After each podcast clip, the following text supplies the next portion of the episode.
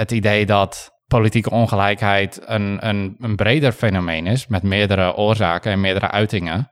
Dus het zijn niet alleen praktisch opgeleiden die ondervertegenwoordigd zijn. Het zijn ook, en bij uitstek, eh, mensen met een migratieachtergrond.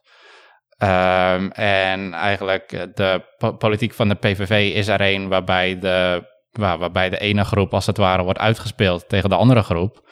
Waarbij de vertegenwoordiging, als je dat zo kan noemen, van de ene groep ten koste gaat van de andere groep.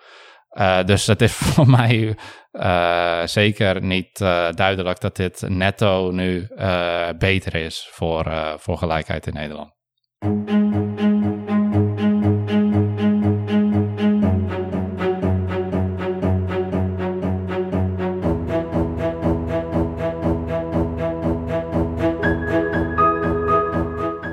Dag allemaal, welkom bij de Stuk Rood Vlees podcast. Mijn naam is Armin Hakverdian, politicoloog aan de UvA.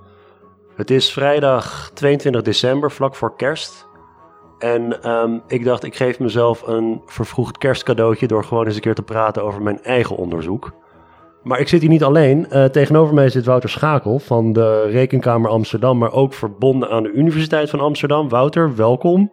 Dankjewel. Goed om je te spreken. Jij zit hier voornamelijk als, uh, in je hoedanigheid van onderzoeker. En ook als mijn meest frequente co-auteur. Mm -hmm. Dus praat over mijn eigen onderzoek uh, betekent ook praten over ons gezamenlijke onderzoek. We hebben een boek samengeschreven, Nep Parlement. En drie wetenschappelijke artikelen, denk ik. Nog wat klein gerut, boekhoofdstukken. Ja, ja. In ieder geval, um, ja, onze onderzoeksagenda's overlappen enorm. we delen ook een... Um, een passie voor ongelijke vertegenwoordiging en ongelijkheden in de democratie. Daar willen we het vandaag over hebben. Um, ik mailde je afgelopen week, was een beetje een vaag mailtje. Wat gaan we doen vandaag? Ik denk uh, deels uh, reflecteren op ons uh, eerdere werk. inderdaad, waaronder in het boek over ongelijke vertegenwoordiging. het is inmiddels een paar jaar geleden. Dat we dat hebben geschreven en een beetje terugkijken en breder kijken naar dit politieke moment en vooral hoe dat samenhangt met politieke gelijkheid. En dan zeker nu in de context van de verkiezingswens van de PVV roept veel vragen op waarvan er veel samenhangen met vertegenwoordiging en ongelijkheid in vertegenwoordiging. Ja. Um, en um, ja, ik denk dat het belangrijk is om stil te staan bij die vragen. Ja, ik heb sinds de verkiezingsoverwinning uh, van de PVV toch wel meer dan eens de vraag gekregen van ja, dit is toch wat jullie wilden. Dit is toch mm -hmm. een beetje waar jullie op, op doelden in, in netparlement. Dat, dat dit misschien wel de oplossing is voor die diplomademocratie.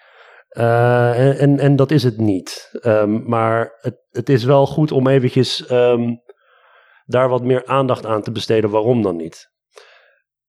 Laten we even praten over de ontstaansgeschiedenis van het boek eerst. Dat, dat is misschien ook wel interessant. We hebben het geschreven in 2016. Het is uitgekomen in 2017, in het voorjaar, vlak voor de Tweede Kamerverkiezingen van 2017. Ja, het doel van het boek was een beetje om, um, om voor een breder publiek, uh, ja, ons onderzoek naar vertegenwoordiging, om dat te dissemineren of te valoriseren naar een breder publiek. Dat is deels gelukt. Het brede publiek zelf hebben we nooit bereikt. Dus dat, dat niet.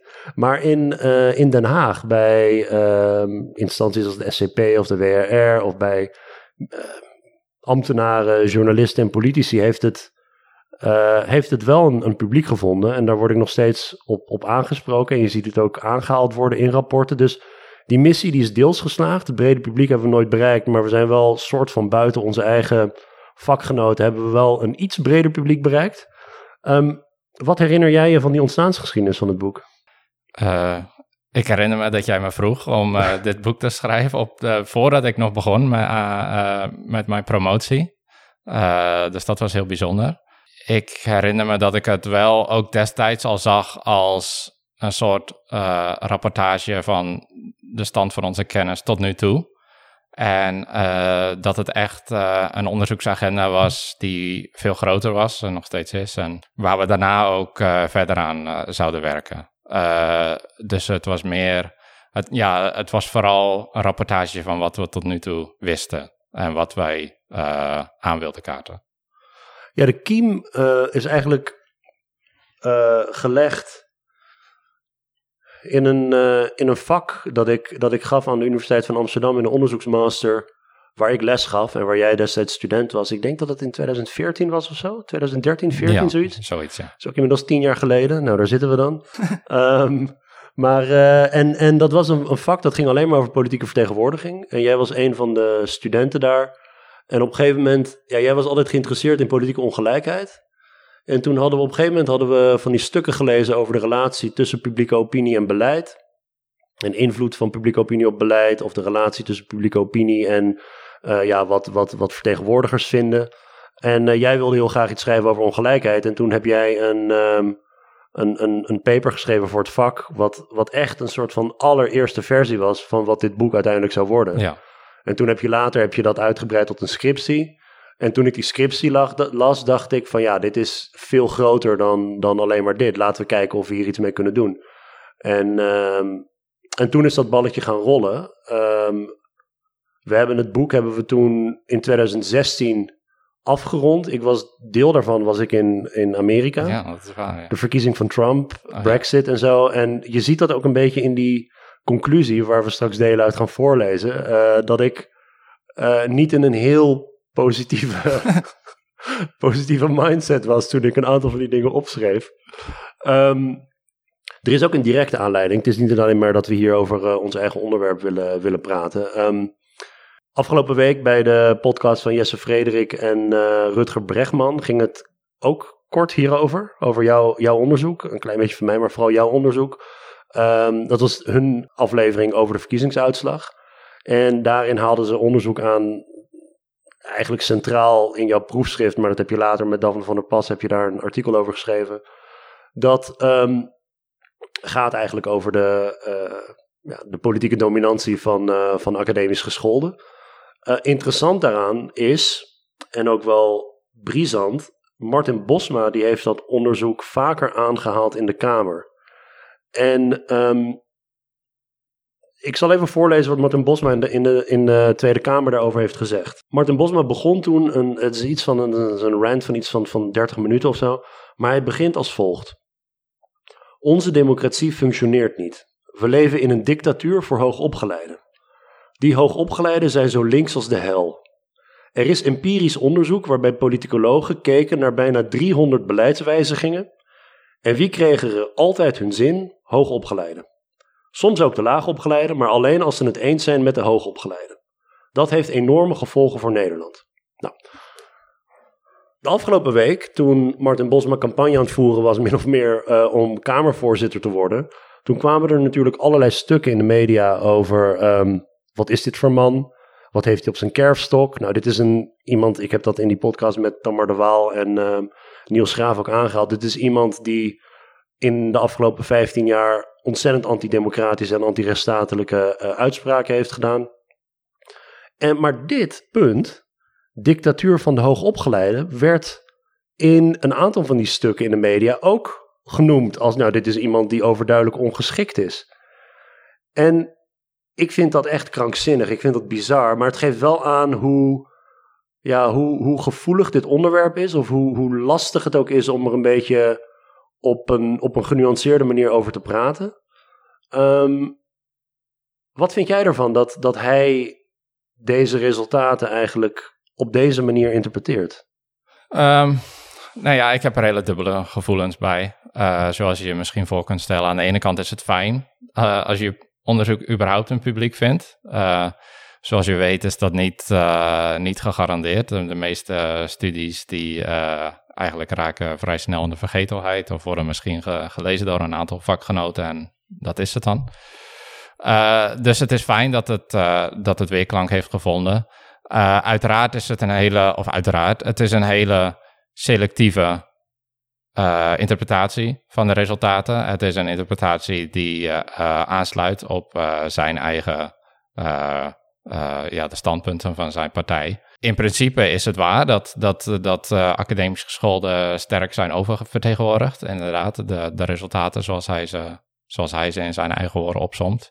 Maar ik ben, er bijvoorbeeld, ik ben het bijvoorbeeld niet eens met de uitspraak dat de elites zo links als de hel zijn. En uh, zoals ik zeg, is het heel selectief, want politieke, gelijk, politieke ongelijkheid is een veel groter fenomeen. Het gaat bijvoorbeeld ook over uh, de oververtegenwoordiging van hoge inkomens. Er is genderongelijkheid in de politiek. Er is ook ongelijkheid op basis van migratieachtergrond, waar we later misschien over zullen praten. dus het is een hele, ja, het is een selectieve interpretatie van de bevindingen. Ik denk dat een van de dingen die wij delen met elkaar, is dat wij ook heel erg geïnteresseerd zijn in een politiek-economische benadering van deze materie. We kijken daar heel erg naar economische structuren en het samenvallen van economische macht en politieke macht. Uh, bijvoorbeeld ook hoe dat in Groningen is gegaan met, met belangen um, van een, um, ja, van een, van een, gas- en oliemaatschappij en hun politieke bondgenoten en ook vanuit de ministeries. Hoe dat soort machtige actoren kunnen samen spannen en met elkaar kunnen samenwerken. Hoef je echt geen complotdenker voor te zijn. In dat, in dat rapport over Groningen staat het allemaal vrij helder uiteengezet. Uh, um, dat is een ander concept van de elite dan een postdoc aan de UvA die schrijft over intersectionaliteit. Mhm. um, Oké, Even heel kort samenvatten waar NEP-parlement over gaat. We, bouwen er eigenlijk voort op twee onderzoekstradities in de Nederlandse politicologie. De ene is eigenlijk Kamerledenonderzoek, waarbij dus um, ja, je, je enquêtes onder Kamerleden doet. En vervolgens op basis van die data kijkt hoe ver Kamerleden afstaan van het electoraat. Op allerlei manieren gemeten. Um, Jacques Thomassen en Rudy Anderweg die doen dit eigenlijk al sinds de jaren 70. Jacques Thomassens proefschrift ging daarover, 50 jaar geleden. Um, dat is één traditie. En um, wij maken ook gebruik van die Kamerledendata. Ook van raadsleden trouwens. maar om dus te vergelijken wat nou vertegenwoordigers vinden. En dan wat uh, de vertegenwoordigden vinden. Dat is één. De tweede is uiteraard Diplomademocratie van Mark Bovens en Angit Wille. Ehm, dat was, dacht ik, eerst een rapport, maar op een gegeven moment is dat in 2010, meen ik, in het Nederlands verschenen. Ze hebben jaren later nog een Engelstalige versie daarvan geschreven. En, en in Diplomademocratie um, leggen Bovens en Wille eigenlijk een beetje de inhoudelijke basis voor wat wij in net parlement verder onderzoeken. Ik zie dit echt als een vervolg op Diplomademocratie, omdat dus in dat boek um, Bovens en Wille laten zien dat de stem van academisch geschoolde luider klinkt. Dus ze participeren meer. Niet alleen maar in verkiezingen, maar ook uh, sociale bewegingen, protesten. En, heel belangrijk, ze stellen zich vaker verkiesbaar. Dat is één ding. Dus de stem klinkt luider. En die stem is ook anders. Dus opleidingsgroepen die hebben ook verschillende uh, houdingen. En dat samen is eigenlijk een, een, een uh, ja, best goede cocktail om uiteindelijk ongelijkheid te krijgen. Wat boven zijn willen niet doen, en dat is wat wij, waar wij dus eigenlijk een beetje het, stokje overnemen, is dat zij niet kijken naar wat dan daadwerkelijk vertegenwoordigers vinden en ook niet wat dan het effect is op beleid. Dus in diplomademocratie kun je wel heel goed lezen dat er verschillen zijn in de samenstelling van politieke elites burgemeesters, uh, kabinetten, uh, raadsleden, kamerleden, dat die anders zijn dan het algemene electoraat. Maar dan de koppeling naar wat dat nou daadwerkelijk uitmaakt voor die vertegenwoordigden, die is er niet. En ja, daar gaan wij eigenlijk verder. Um, wat zijn wat jou betreft de hoofdbevindingen van dit boek? Ik denk dat er uh, twee hoofdbevindingen zijn. Uh, de eerste is inderdaad als je die koppeling maakt tussen wat kiezers willen en wat uh, politieke elites, in dit geval Tweede Kamerleden, wat hun standpunten zijn. Dan is die link eigenlijk veel sterker voor sommige kiezers dan voor anderen. En dat is één vorm, één uiting van ongelijke vertegenwoordiging, ongelijke inhoudelijke vertegenwoordiging. En in het boek kijken we specifiek naar uh, opleidingsgroepen en inkomensgroepen. En dan vinden we dat eigenlijk beide een rol spelen bij ongelijke vertegenwoordiging. Dus academisch gescholden zien hun voorkeuren vaker weerspiegeld onder Tweede Kamerleden. En mensen met hoge inkomens doen dat ook.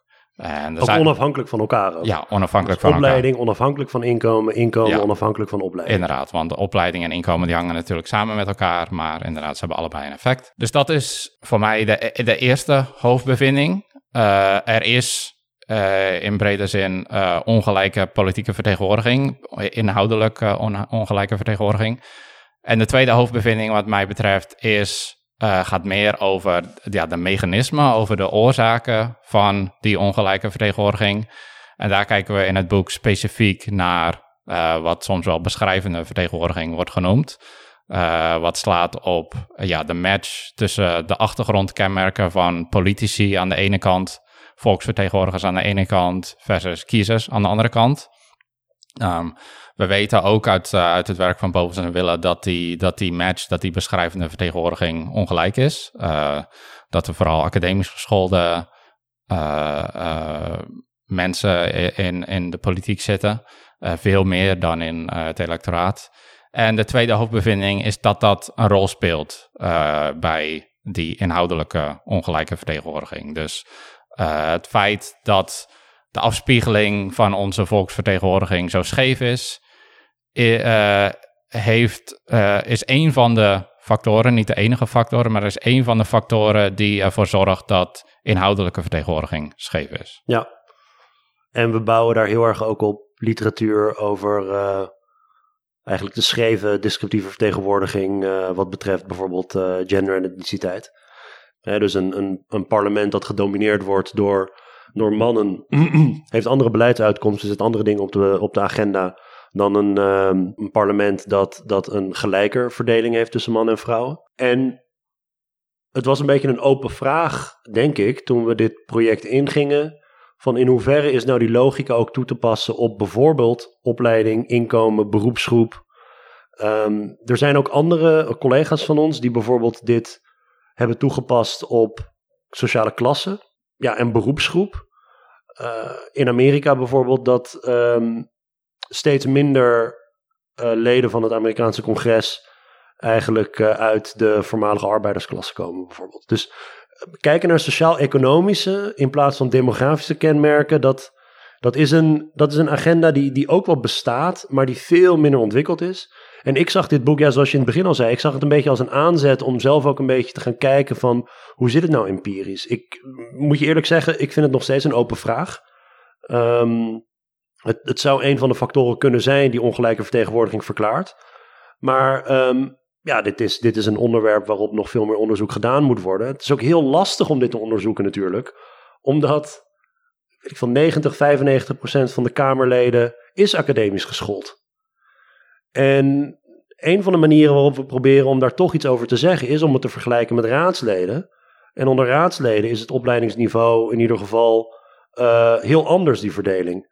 Dus bij raadsleden kun je bijvoorbeeld wel kijken naar het verschil tussen academisch geschoolde raadsleden en bijvoorbeeld meer praktisch geschoolde uh, raadsleden, om te kijken of dus die opleiding uitmaakt, ja of nee. En dat maakt uit, um, laten wij zien. Goed, dus dat is allemaal even een hele lange aanloop.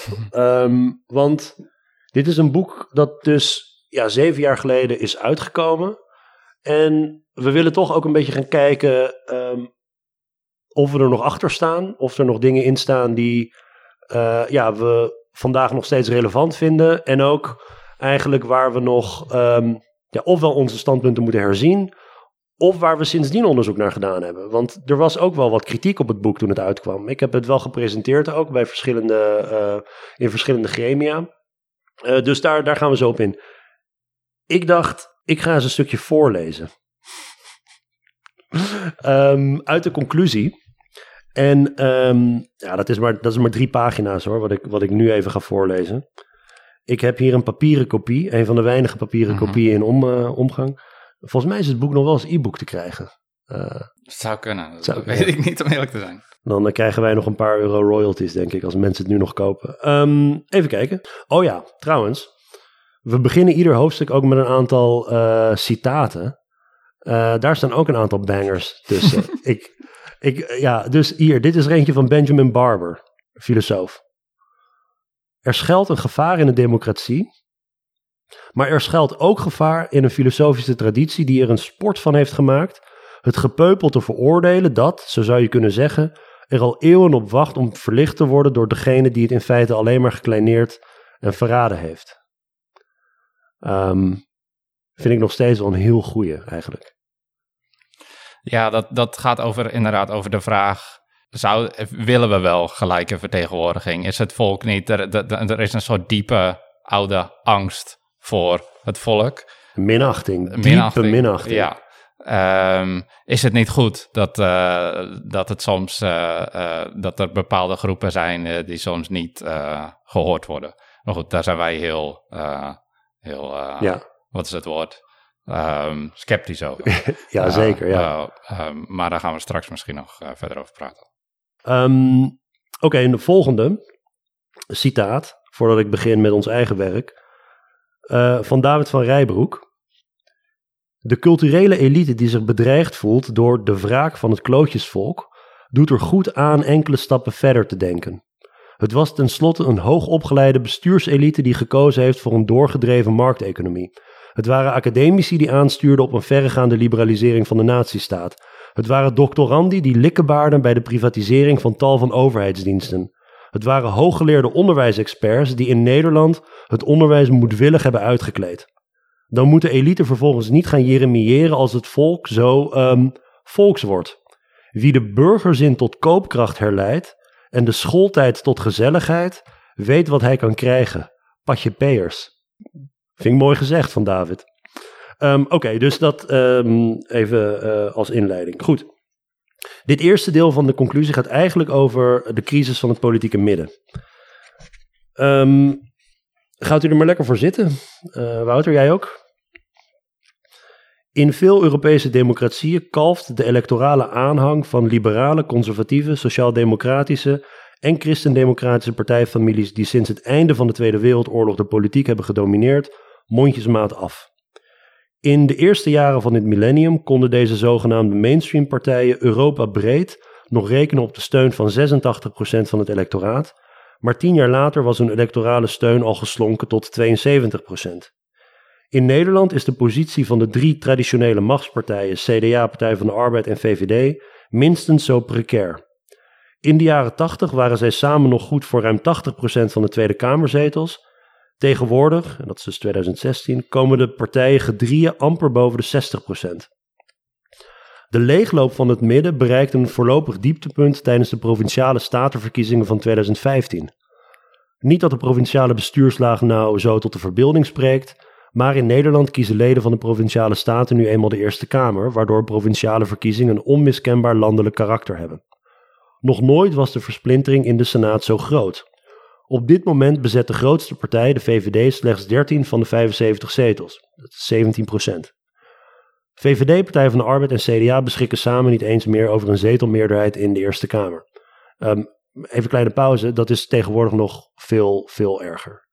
dus bij de afgelopen verkiezingen um, hebben, uh, even kijken, VVD eh, en uh, Partij van de Arbeid GroenLinks samen en CDA, wat komen die uit op zo'n 50 zetels of zo? Uh, iets in die trant.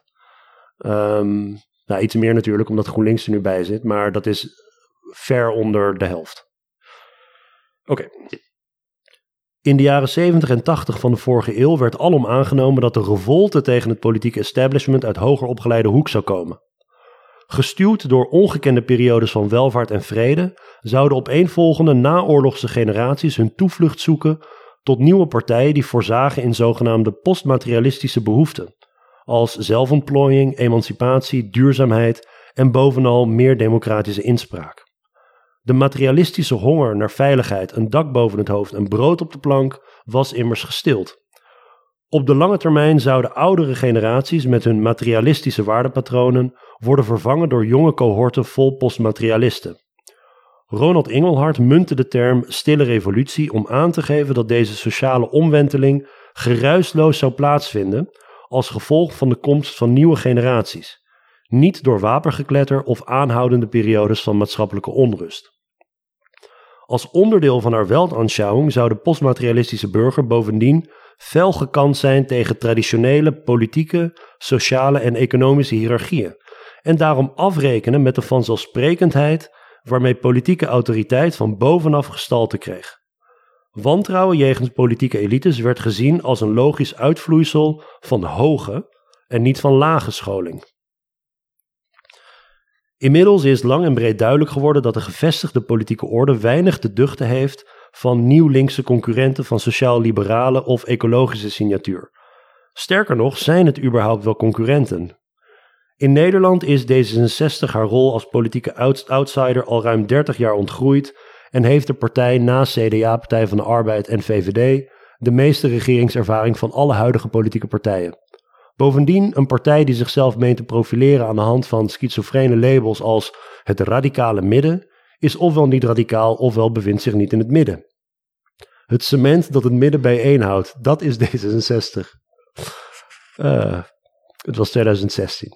Um, iedere keer als combinaties van de voormalige grote drie geen meerderheden kunnen vinden voor hun plannen, staat Goodall D66 klaar om bij te springen. Ondertussen verzamelen de kroonjuwelen van de partij stof in het Museum van de Parlementaire Geschiedenis vanwege verzet door senatoren van Partij van de Arbeid, de Nacht van Fontijn, en VVD, de Nacht van Wiegel. En is tot overmaat van ramp de agenda voor bestuurlijke vernieuwing en inspraak gekaapt door net die kiezersgroepen die een broertje dood hebben aan de sociaal-liberale grondbeginselen van de partij. Nee, dan de rebellen op het ecologische front. Toen voor GroenLinks de uitgesproken kans zich aandiende om een alternatief te bieden voor de begrotingspolitiek van Mark Rutte en zijn toenmalige minister van Financiën Jan Kees de Jager, deed het in plaats daarvan doodleuk mee met het zogenaamde Lenteakkoord. Ook wel het Kunduz-akkoord, dacht ik, of het Oeruzkan-akkoord genoemd. Um, dat was het begrotingsakkoord tussen gelegenheidspartners VVD, CDA, D66, ChristenUnie en GroenLinks, die na de plotse val van het kabinet Rutte 1 bijeen waren gekomen om notabene in crisistijd een controversieel pakket van lastenverzwaringen en bezuinigingen door te voeren. Op het beleidsterrein dat bij uitstek het stokpaardje is van de politieke revolte tegen het establishment, Europese integratie, heeft de partij een onmiskenbare ontwikkeling doorgemaakt van uitgesproken eurosceptisch naar gematigd eurofiel. GroenLinks en haar voorlopers, CPN, PPR en PSP, stemden in de Tweede Kamer tegen de ratificatie van alle grote Europese verdragen tot en met het Verdrag van Amsterdam in 1997 aan toe. De argumenten die destijds werden aangedragen om tegen Europese verdragen te stemmen, zullen ook huidige eurosceptici op de linkerflank als muziek in de oren klinken. Het vermeende neoliberale karakter van het Europese project, de blinde vlek op het gebied van groene en sociale politiek en het schrijnende gebrek aan democratische legitimiteit. Het partijprogramma voor de Tweede Kamerverkiezingen van 1994 stelt ondubbelzinnig dat het cruciale verdrag van Maastricht een, quote, slechte stap in de Europese integratie is, einde quote, en dat, quote, de afspraken om te komen tot een economische en monetaire unie indirect een grote neerwaartse druk leggen op het systeem van nationale sociale zekerheid, einde quote. De partij meende dat Maastricht de monetaire unie doordrukte zonder dat deze afdoende door een politieke unie ondersteund werd. Een weeffout die de eurozone 20 jaar later tot de rand van de afgrond zou brengen en die bovendien in de toekomst nog steeds voor grote problemen kan zorgen. In het nieuwe millennium heeft GroenLinks echter radicaal gebroken met dat eurosceptische verleden. In 2003, ruim voor het referendum over de Europese grondwet, constateerde de politicoloog Harmen Binnenma, destijds onder meer provinciale statenlid in Noord-Holland namens GroenLinks, dat de partij, quote, samen met D66 gekenschetst zou kunnen worden als de meest Europa-gezinde partij in Nederland. Einde quote. De euroskepsis van de SP werd plots gedisqualificeerd als nationalisme tegenover het cosmopolitisme van GroenLinks. Misschien doet deze ideologische evolutie de partij op den duur in vak maar laten we eerlijk zijn, meer dan een beschaafd kuchje tegen de macht krijgt de partij niet uit haar strot. GroenLinks heeft het linkse eurosceptische geluid van haar voorlopers voorlopig overgelaten aan uh, de SP en de Partij voor de Dieren. Terwijl postmaterialistische kiezers mondjesmaat onderdak vonden bij de politieke partijen en sociale bewegingen van Nieuw Links, werd tegelijkertijd de kiem geplant voor een contra-revolutie. Deze, quote, bastaardkinderen van de stille revolutie, einde quote, zouden zich pas decennia later ontpoppen tot de werkelijke kwelgeest van de gevestigde politieke orde.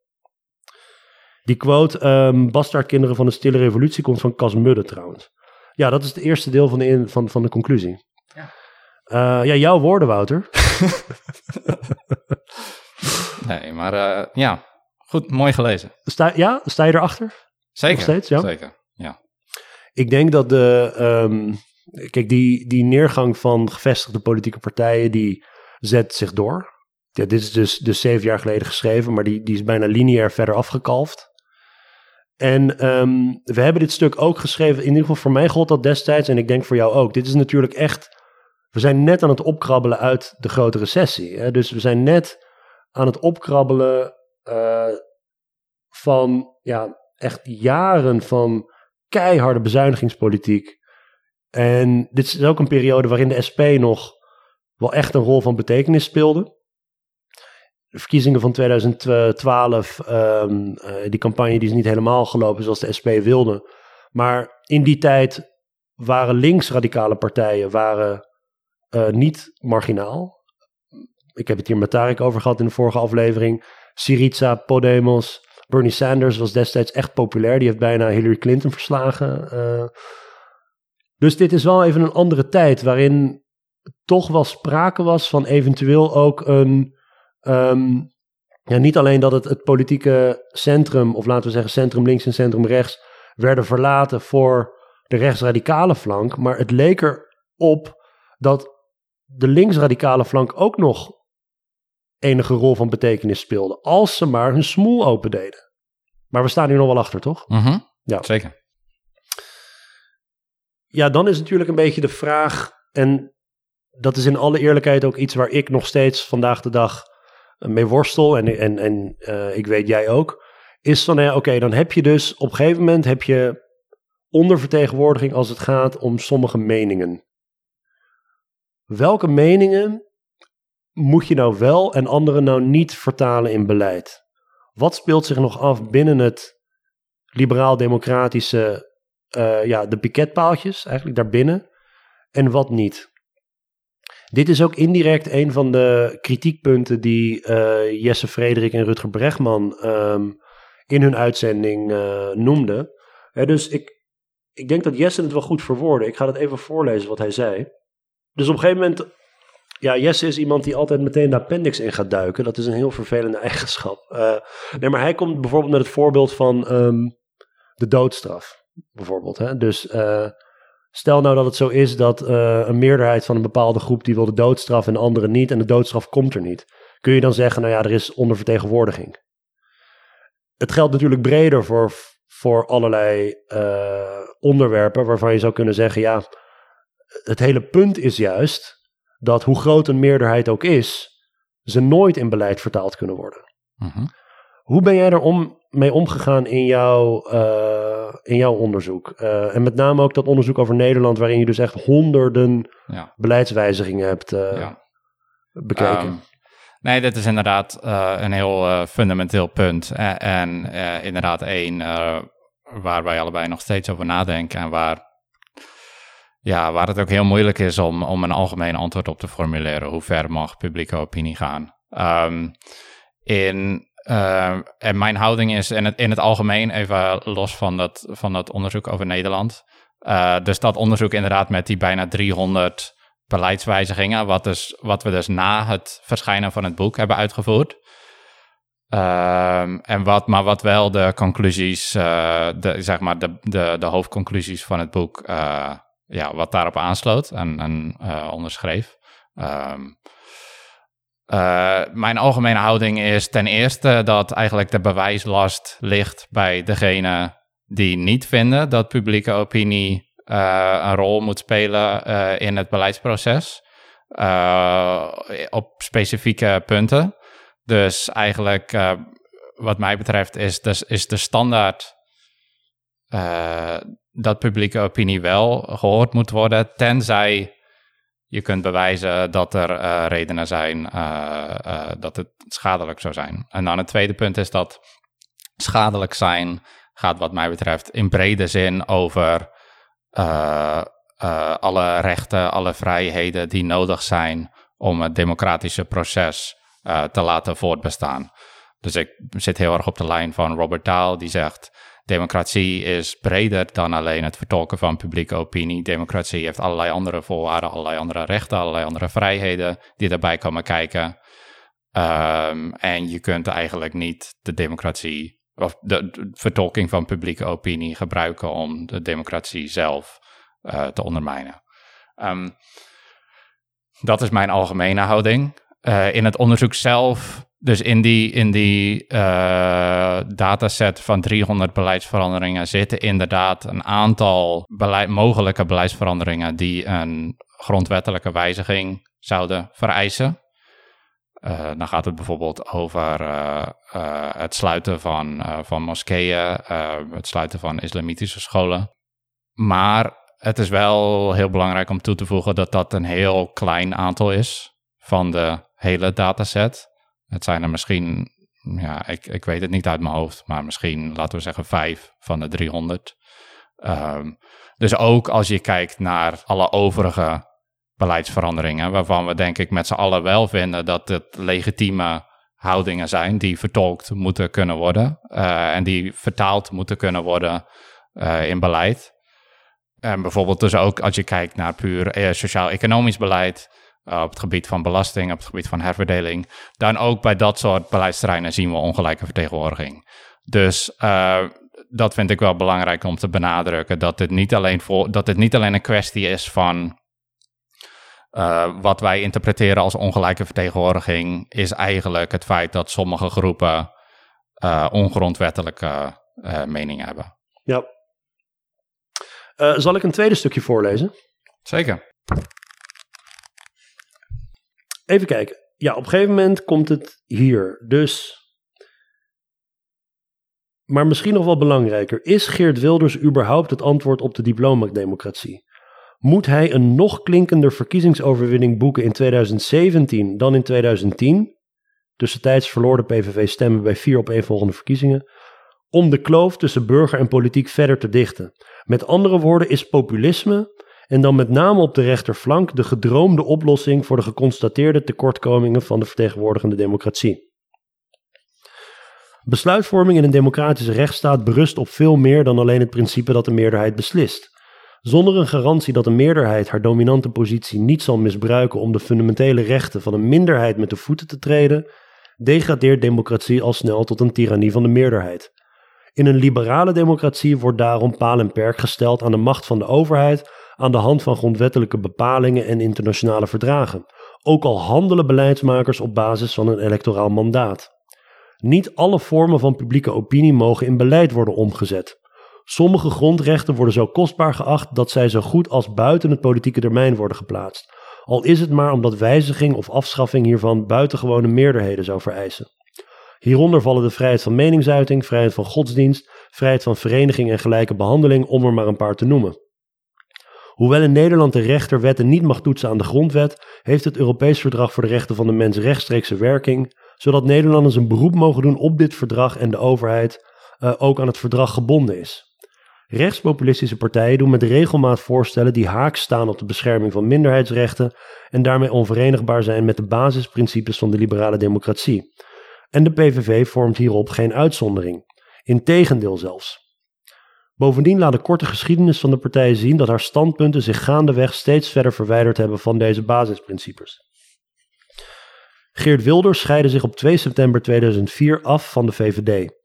Wilders had zich al langer geërgerd aan de koers van de partij die in zijn ogen niet rechts genoeg was. Een eventuele toekomstige toetreding van Turkije tot de Europese Unie vormde het uiteindelijke breekpunt. Wilders bleef actief als onafhankelijk Kamerlid en schreef in maart 2005 een onafhankelijkheidsverklaring met de hoofdpunten voor een nieuwe politieke beweging, die hij uiteindelijk als Partij voor de Vrijheid zou laten deelnemen aan de Tweede Kamerverkiezingen van 2006. Daarvoor had Wilders al zeer actief campagne gevoerd tegen de zogenoemde uh, Europese grondwet, waarbij hij met name zwaar inzette op een eventuele Turkse toetreding tot de EU. Een onderwerp dat hem persoonlijk na aan het hart lag, maar waar het grondwettelijk verdrag helemaal niet over ging. Niet lang na zijn afsplitsing van de VVD werd Wilders permanent beveiligd als gevolg van de vele bedreigingen aan zijn adres vanuit moslim-extremistische hoek. Tot op de dag van vandaag is hij het enige Kamerlid van wie de woonplaats niet terug te vinden is op de internetpagina van de Tweede Kamer. Sinds zijn vertrek bij de VVD zijn de standpunten van Geert Wilders en daarmee ook van de PVV op het gebied van immigratie en integratie in rap tempo geradicaliseerd. In de onafhankelijkheidsverklaring staat zwart op wit dat Nederland per jaar maximaal 5000 vluchtelingen zou moeten opnemen wanneer opvang in de regio geen optie vormt. Iets wat ook terug te lezen is in het verkiezingsprogramma van 2006, Klare Wijn genaamd. In het verkiezingsprogramma's van 2010 en 12 is dit quotum verlaagd naar 1000 per jaar, terwijl het conceptprogramma voor 2017 uiteindelijk spreekt van nul asielzoekers erbij. De onafhankelijkheidsverklaring en klare wijn reppen met geen woord over de Koran. Vanaf 2010 pleit de PVV voor een Koranverbod. Tien jaar geleden riep de partij op tot een verbod op hoofddoekjes bij de overheid. Om daar in 2010 ook een hoofddoekjesverbod bij gesubsidieerde organisaties aan toe te voegen. In het conceptprogramma voor 2017 wordt expliciet gesproken over een verbod van islamitische hoofddoekjes in publieke functies. Alsof er ook maar enig misverstand bestond voor welke vrouwen deze kledingvoorschriften zouden gelden. Wilders kruistocht tegen hoofddoekjes zou met enige fantasie nog kunnen worden gezien als een principieel pleidooi voor de scheiding van kerk en staat, maar dan zou hij niet hebben voorgesteld om het dragen van hoofddoekjes te belasten. Tijdens de algemene beschouwingen van 2009 introduceerde Wilders het wanstaltige idee voor een kopvoddentax, waarmee moslima's tegen betaling van 1000 euro per jaar een vergunning konden uh, krijgen om een hoofddoekje te dragen in de publieke ruimte. Het was volgens de PVV-kopman tijd voor, quote, een grote schoonmaak van onze straten en een beter milieu begint bij jezelf. Einde quote. Dus geen verbod van religieuze uitingen voor werknemers bij de overheid, maar voor burgers op straat. Het meest brisante voorbeeld van een voortschrijdende radicalisering van de PVV zien we misschien nog wel terug in haar standpunten over islamitische gebedshuizen. Aanvankelijk had de partij alleen radicale imams en moskeeën in haar vizier. Door op te roepen radicale moskeeën te sluiten en financiering uit extremistische hoek te verbieden. In 2010 was de PVV voor de sluiting van moskeeën waar geweld werd gepropageerd. Het voorgestelde moratorium van vijf jaar op de bouw van nieuwe moskeeën veranderde in 2010 in een bouwstop voor onbepaalde tijd, om tenslotte in het conceptprogramma voor 2017 uit te monden in een pleidooi voor sluiting van alle moskeeën alle moskeeën. Een soortgelijke beweging is te zien in het standpunt over islamitisch onderwijs. Geert Wilders vond aanvankelijk dat artikel 23 van de Grondwet, dat stelt dat niet alleen het openbaar, maar ook het bijzonder onderwijs een voorwerp van de aanhoudende zorg der regering is en aanspraak kan maken op financiering uit publieke middelen, niet van toepassing was op islamitische scholen. Hij bepleitte daarom een moratorium van vijf jaar op de oprichting van nieuwe islamitische scholen. Wat lezen we vier jaar later in 2010? Christelijke, Joodse en openbare scholen moeten naast elkaar kunnen bestaan. Wij zijn dus voor behoud van artikel 23 van de Grondwet. Islamitische scholen gaan daarentegen dicht. Einde quote. De redenering waarmee Wilders de schending van fundamentele grondwettelijke rechten van moslims goed praat, is zijn opvatting van de islam als totalitaire ideologie waar geen gematigde variant van zou bestaan in plaats van als een godsdienst waar individuen een eigen invulling aan kunnen geven, net zoals zij dat bij ieder ander geloof kunnen doen. Onder het kopje oplossingen in het hoofdstuk Kiezen voor islambestrijding en tegen de massa-immigratie van het verkiezingsprogramma van 2010 wordt deze opvatting aangedragen om te stellen dat de islam daarom, quote, op geen enkele manier aanspraak kan maken op de voorrechten van een godsdienst. Einde quote. Het kan dan ook niet anders dan als een bewuste juridische strategie van Wilders worden gezien dat al zijn verkiezingsprogramma's stampvol staan met teksten over de islam, maar zo goed als zwijgen over moslims. Want zodra hij zijn pijlen richt op moslims, is hij kwetsbaar voor vervolging wegen het aanzetten tot haatdiscriminatie op groepsbelediging. De-islamiseren is het meest recente credo, maar aan de concrete betekenis hiervan voor de miljoen moslims in Nederland wil hij over het algemeen zijn vingers niet branden. De onafhankelijkheidsverklaring stelt nog ondubbelzinnig vast dat, quote, moslims voor onze democratie te winnen zijn, einde quote. En dat Wilders harde aanpak op het gebied van immigratie en integratie, quote, positieve effecten zal hebben voor de meerderheid van de in ons land verblijvende moslims die niets met extremisme of terrorisme van doen hebben, einde quote. In het manifest van 2006 stelt de PVV dat, quote, de zuivere islam, wat het ook mogen zijn, intrinsiek ademocratisch is, maar dat in liberale, werkelijk gematigde moslims moet worden geïnvesteerd. Einde quote. Om daaraan zonder greintje ironie toe te voegen, quote, onder meer door scholing en opleiding en het steviger bestrijden van discriminatie. Einde quote. De Wilders van 2006 zou zich in 2016 hebben afgesplitst van de PVV om als vrijheidspartij mee te doen aan de verkiezingen van 2017, wellicht nadat hij eerst naamsbekendheid had verworven in het nee-kamp tijdens het Oekraïne-referendum. Of misschien had hij zich inmiddels weer kunnen vinden in de standpunten van de VVD onder Halbe Zelstra. Wauw, shots fired, Halbe Zelstra. Ehm, het radicalisme van de PVV zien we ook terug in kiezersonderzoeken. Hoewel het ontegenzeggelijk waar is dat lager en middelbaar opgeleiden eerder geneigd zijn om op de rechtspopulistische partijen te stemmen dan hoogopgeleiden, kwalificeren kiezers Wilders stevast als een van de meest onsympathieke lijsttrekkers van het land. Uh, zie tabel 7.1. Ja, er staan ook heel veel tabellen en figuren in. Uh, dat scholing hierbij een rol speelt, staat buiten kijf. Want hoger opgeleiden vinden Wilders een stuk onsympathieker dan lager opgeleiden. Maar zelfs onder die laatste groep bungelt Wilders helemaal onderaan de lijst. Ook onder kiezers met eurosceptische of monoculturele voorkeuren kan de PVV-voorman nauwelijks op sympathie rekenen. En onder zijn eigen kiezers scoort hij ruim een punt lager dan zijn collega's onder hun eh, respectievelijke achterbannen. Niet alleen de persoon van Geert Wilders, maar ook de standpunten van zijn partij gaan vaak te ver voor lager en middelbaar opgeleiden. Hoewel steun voor een ruimhartiger asielbeleid en voor meer ruimte voor minderheden om hun eigen identiteit te behouden samenhangt met scholing, dichten lager opgeleiden zichzelf een minder extreme positie toe op het gebied van immigratie en integratie dan de PVV. Zie online appendix. We hadden ook een online appendix, Wouter. Dat geldt des te meer voor middelbaar opgeleiden. Hetzelfde beeld komt naar voren in gesprekken met PVV-stemmers. En daarin wordt verwezen naar, ik denk, een boek van Chris Albers. Uh, ja. ja. Dat Wilders met zijn standpunt inmiddels ruimschoots in ongrondwettelijk water is beland, geeft eens te meer aan dat hij de groep ondervertegenwoordigde kiezers uit dit boek een slechte dienst bewijst. De overheid mag de fundamentele rechten van de eigen burgers nu eenmaal niet schenden, ook al zou de PVV, waarvan het programma bol staat van dergelijke voorstellen, ooit de grootste partij in de Tweede Kamer worden. Alleen in het onwaarschijnlijke geval dat zijn partij genoeg steun in het parlement weet te vinden om eenzijdig de grondwet te wijzigen, kan Wilders zijn verkiezingsbeloftes verzilveren.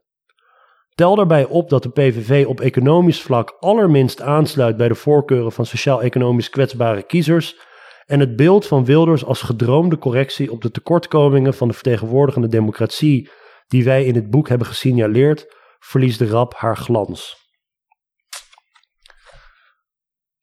Zo, uh, de aflevering is een beetje een audioboek geworden. Maar um, ja, een aantal dingen vallen mij daarop. Uh, allereerst, de, de grootste, laten we zeggen, koerswijziging van de PVV vond echt plaats in 2010.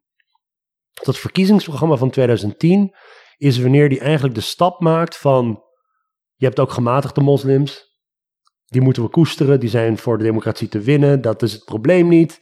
Uh, en in 2010 gaat hij over van, de islam is een totalitaire ideologie en geen godsdienst.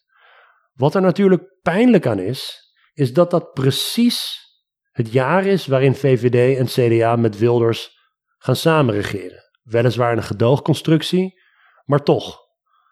Op het moment dat hij zijn meest extremistische partijprogramma schrijft, vinden dus CDA en VVD het de tijd om hem als gedoogpartner mee te nemen.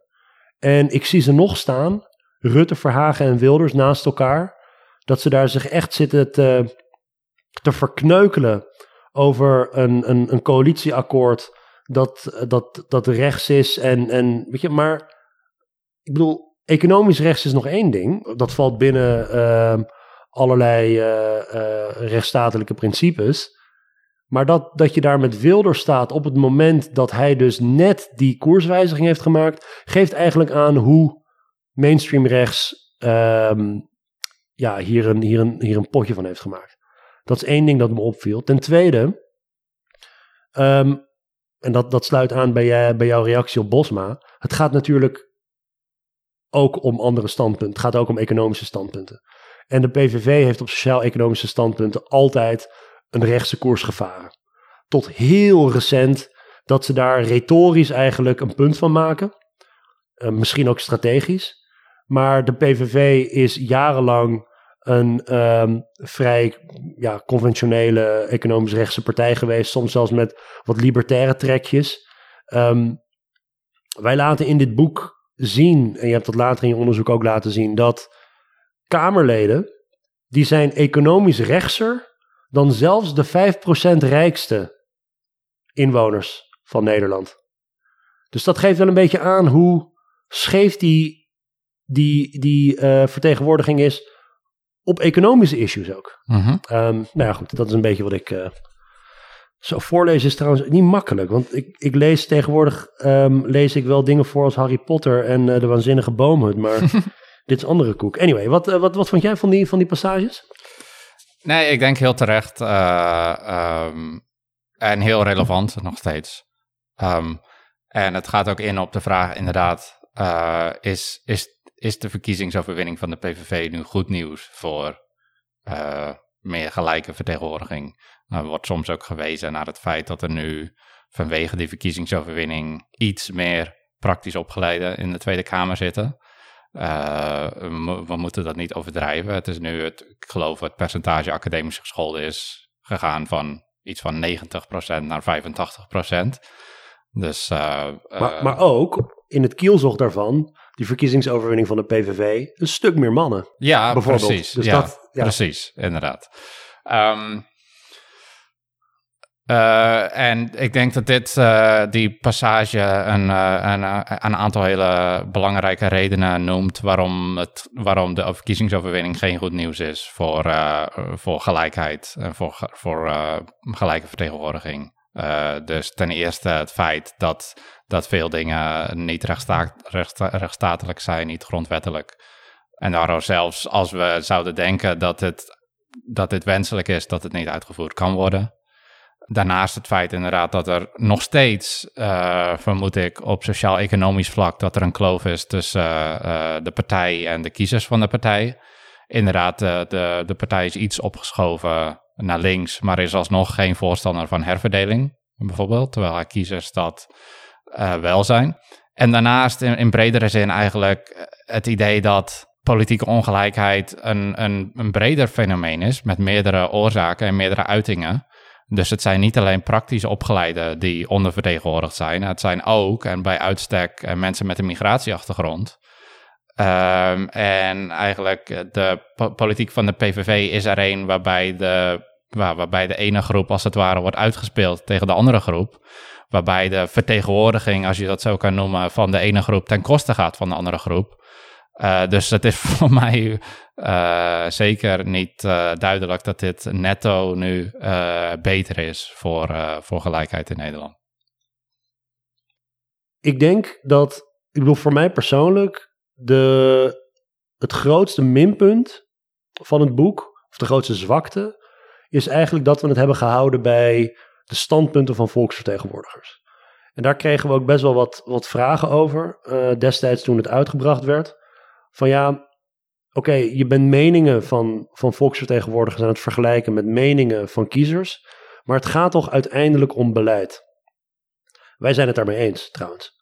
Toen ben jij daarna ben jij gaan promoveren op dit onderwerp. Ik was um, fortuinlijk genoeg dat ik uh, daar co-promotor mocht zijn van het proefschrift. Toen heb je wel echt gekeken naar beleidsuitkomsten. Kun je iets meer vertellen over waarom het voor jou belangrijk was om dat te doen? Uh, zeker. Um, nou, inderdaad, in het boek kijken we dus naar de standpunten. De standpunten, de, de, de opvattingen van Tweede Kamerleden. En, en raadsleden. Eh, en raadsleden, inderdaad, uh, op gemeentelijk niveau. En onze, ons vermoeden was wel, en er is ook wel onderzoek naar gedaan, dat dat een rol speelt. Dat er een, verband is tussen die opvattingen en uiteindelijk beleid dat wordt doorgevoerd. Uh, maar dat verband is zeker niet één op één.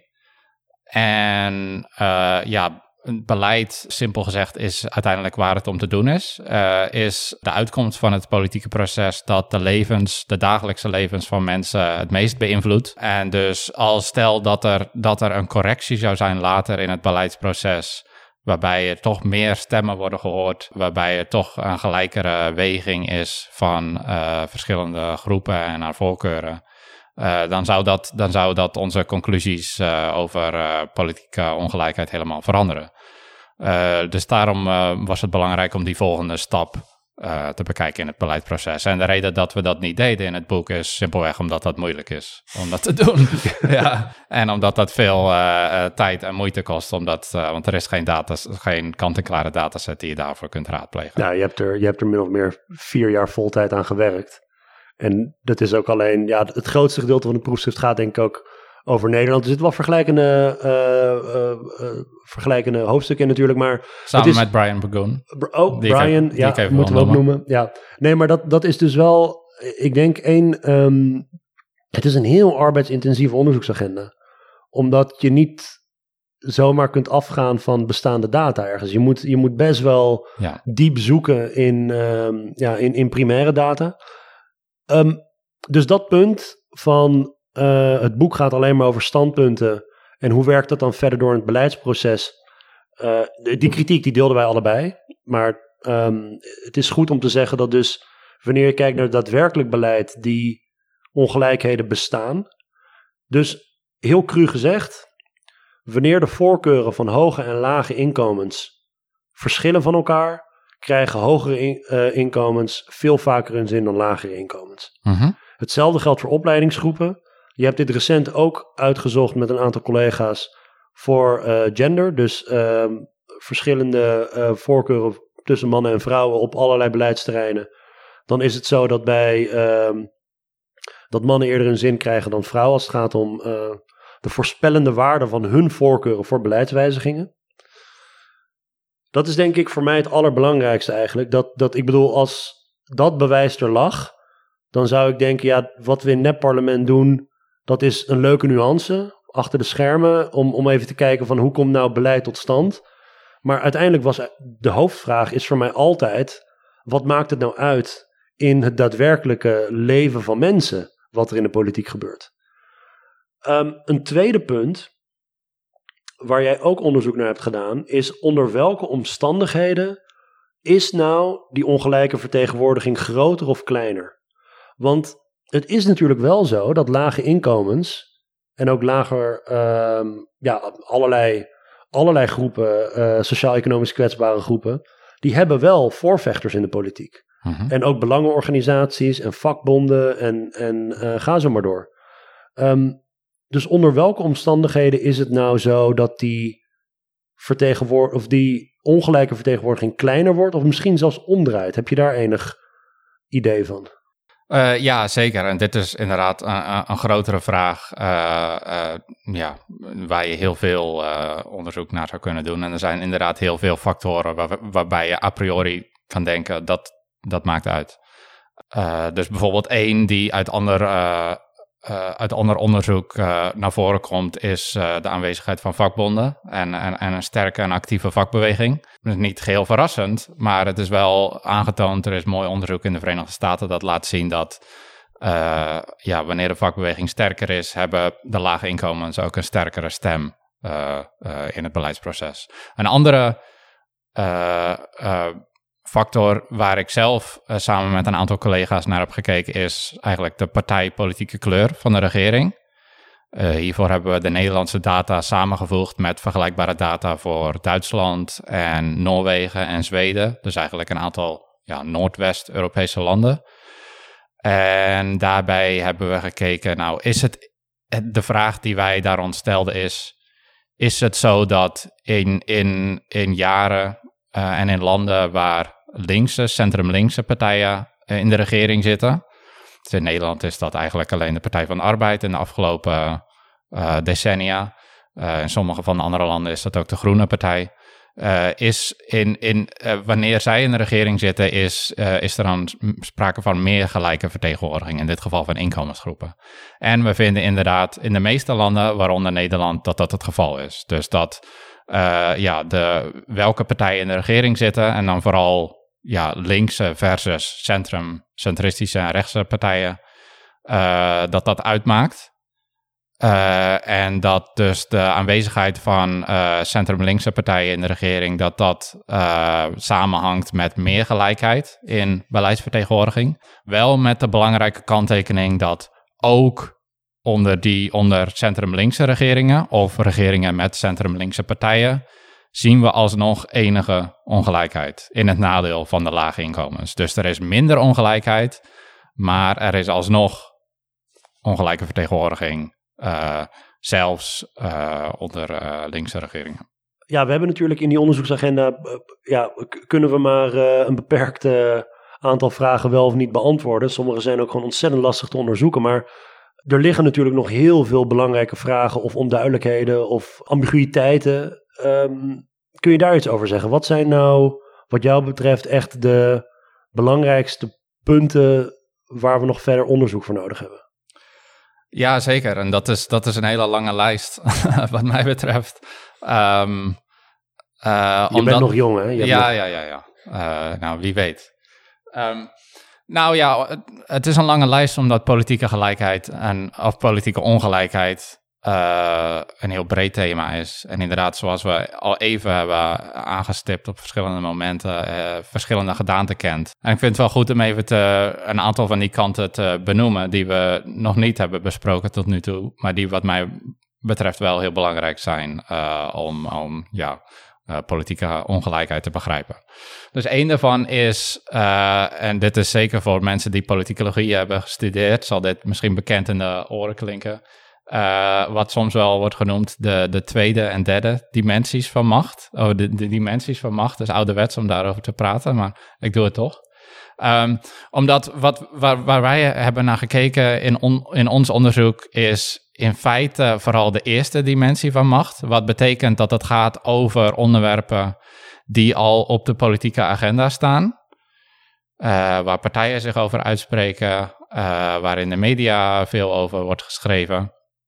En uh, daarbij hebben we dus uh, publieke opinie eigenlijk als een gegeven beschouwd. Als de onafhankelijke variabele. Dat is iets wat vaststaat in de analyse. Uh, daarnaast zijn er ook dimensies van macht die gaan over wat er überhaupt op de politieke agenda komt. Dus dat is de zogenaamde tweede dimensie van macht. En mijn vermoeden is dat daar ook allerlei uh, bias uh, in zit. In uh, welke onderwerpen überhaupt aandacht krijgen. In de politiek, in de media, in de samenleving in bredere zin. En de derde dimensie van macht is eigenlijk wat zijn überhaupt de heersende ideeën in de samenleving? En wie beïnvloedt überhaupt wat publieke opinie is? Wat verschillende groepen willen, wat hun voorkeuren zijn? En ook daar uh, weten we vanuit verschillende soorten onderzoek dat daar ongelijkheid in zit. Dat uh, bepaalde mensen en bepaalde instituties uh, ja, veel meer invloed hebben op de heersende ideeën in de samenleving. Um, dus en ook dat, hoe erover wordt nagedacht. Ja, ja zeker. Niet alleen, niet alleen waarover wordt nagedacht er inderdaad, maar ook de framing en, um, van bepaalde onderwerpen. Dus dat is één punt. Het tweede punt is uh, dat wij in ons onderzoek kijken naar, en ook in overigens in een ander uh, onderzoek uh, binnen deze bredere ja, onderzoeksagenda, wordt er meestal gekeken naar een redelijk brede bovenlaag van de samenleving. Dus als we het hebben over de hoge inkomens, dan gaat het meestal over ja, de top 10% of de top 20% van de inkomensverdeling. Als we het hebben over academisch gescholden, nou ja, dat, dat, de grootte daarvan varieert door de tijd, maar dat is inmiddels natuurlijk ook een aanzienlijke groep, meer dan een derde van, uh, van de bevolking. Um, en uh, dus dat is alsnog een redelijk, redelijk grote groep. Het sluit een beetje aan op uh, wat, de SP, wat het Sociaal Cultureel Planbureau in haar uh, recente onderzoek over uh, de klassensamenstelling van Nederland aanduidt als de werkende bovenlaag. Dat is geloof ik ongeveer 20% van de bevolking. Um, maar daarnaast is er heel veel, zeker in de Verenigde Staten, maar ook dichter bij huis, wordt er veel gepraat over een kleinere elite. Over de top 1% bijvoorbeeld van de inkomens of van de vermogensverdeling. Of misschien de punt 1%. Um, ehm, een veel kleinere groep die eigenlijk uh, zeker qua inkomen en vermogen ja, zich nog in een heel ander stratum bevindt. Uh, van, uh, van geld, van privilege en dus waarschijnlijk ook van macht. En eigenlijk zeggen we. De bel. Ja, allemaal kerstcadeautjes die worden bezorgd. Ja, ja, ja, Die, maar het is juist moeilijk om van die extreme bovenlaag te achterhalen wat ze nou echt vinden. Ze zitten niet in enquêtes waarschijnlijk. Het is hoe, hoe, hoe meer je bij de top komt, ja. en ook bij de politieke top, economische top, hoe moeilijker het is om mensen ook te onderzoeken. Zeker, en dat is ook waarom we het niet doen in onze onderzoeken, omdat we er geen goede uitspraken over kunnen doen over de echte top van bijvoorbeeld uh, de inkomensverdeling. Maar dit is voor mij wel een reden om te denken dat, uh, en er is ook wel kwalitatief onderzoek dat laat zien dat dit echt, nou ja, een kwalitatief andere groep is. Ook met andere, die bijvoorbeeld vaak persoonlijke connecties heeft met de politieke elite. en die daardoor dus waarschijnlijk ook nog echt ja, nog meer invloed heeft dan, dan zeg mensen in de top 10 of de top 20 procent. Uh, dus dat vind ik nog een belangrijk punt. Echt ja, de, de, de brede bovenlaag versus de, de echte elite, als je het zo kan noemen. Um, daarnaast um, een ander punt en dit is zeker wat we bij het, toeslagenschandaal, wat nog, niet, eh, ja, wat nog geen thema was uh, toen wij het boek schreven. Of nou ja, uiteraard speelde het wel, maar uh, we wisten het nog niet.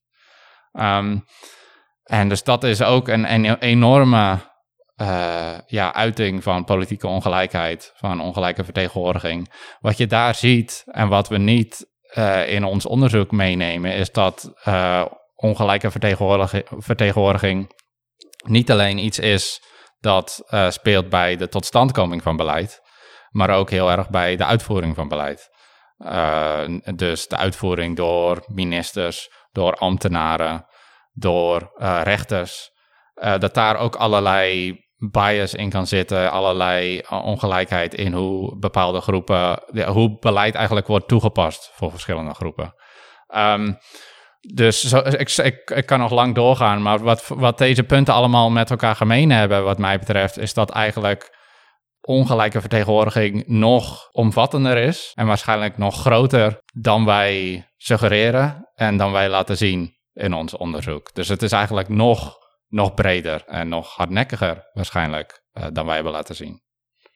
Ja, ik, ik denk dat ik het wel eens ben met, met jouw van inschatting dat dit een vrij conservatieve schatting is van hoe ongelijk Nederland is. Uh, als je ziet hoe, hoe breed eigenlijk het fenomeen is. En met name dat laatste punt, in de uitvoering van het beleid, dat daar zoveel ongelijkheid in zou zitten, is echt een reden tot zorg. Wat mij betreft hoort er asielbeleid ook bij trouwens. De uitvoering van asielbeleid en welke groepen de dupe zijn van die opvangcrisis, die zelf gecreëerde opvangcrisis, dat is ook een vorm van, van, van hele scheve ongelijke vertegenwoordiging van belangen. Ja, en mis, misschien tenslotte nog goed om te benoemen. Uh, wat we ook een open vraag die we nog niet hebben beantwoord, nog steeds niet, is wat nu de oplossing is voor ongelijke vertegenwoordiging. Uh, we zijn misschien, zoals de meeste academici, zijn we beter in het vaststellen van het probleem dan in het bieden van oplossingen.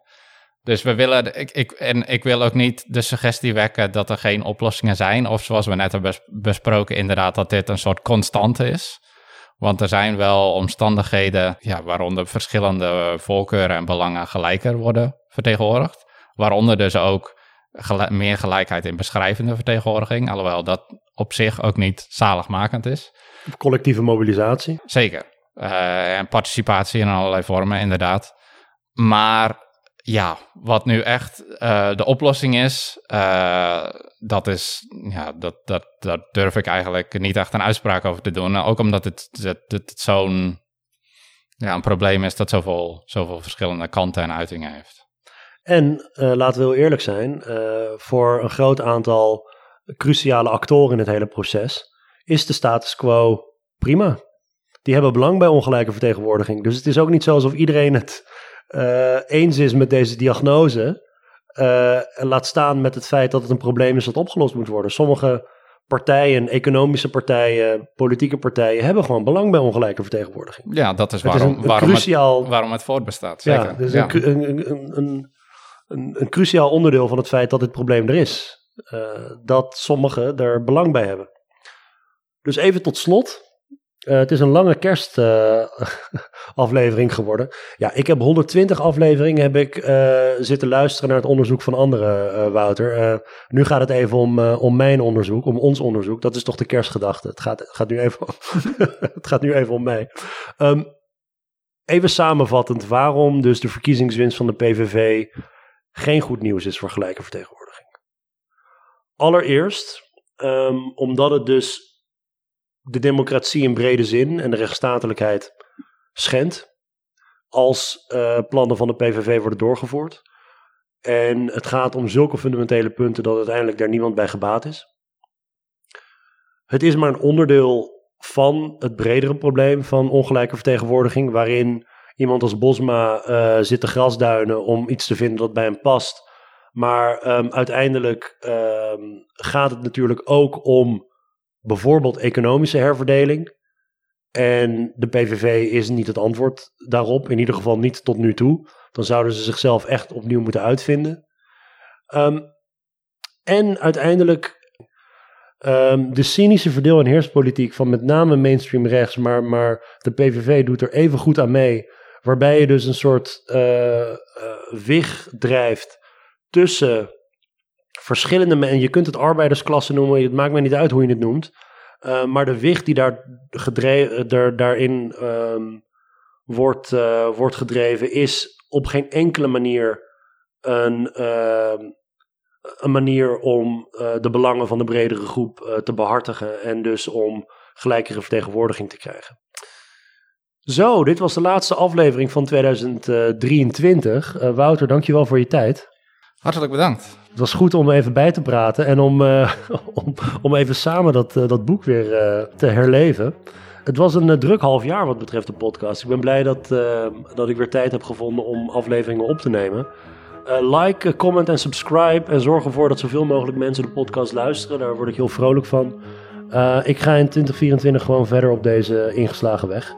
Dus um, ja, bedankt voor het luisteren. Het allerbeste voor 2024.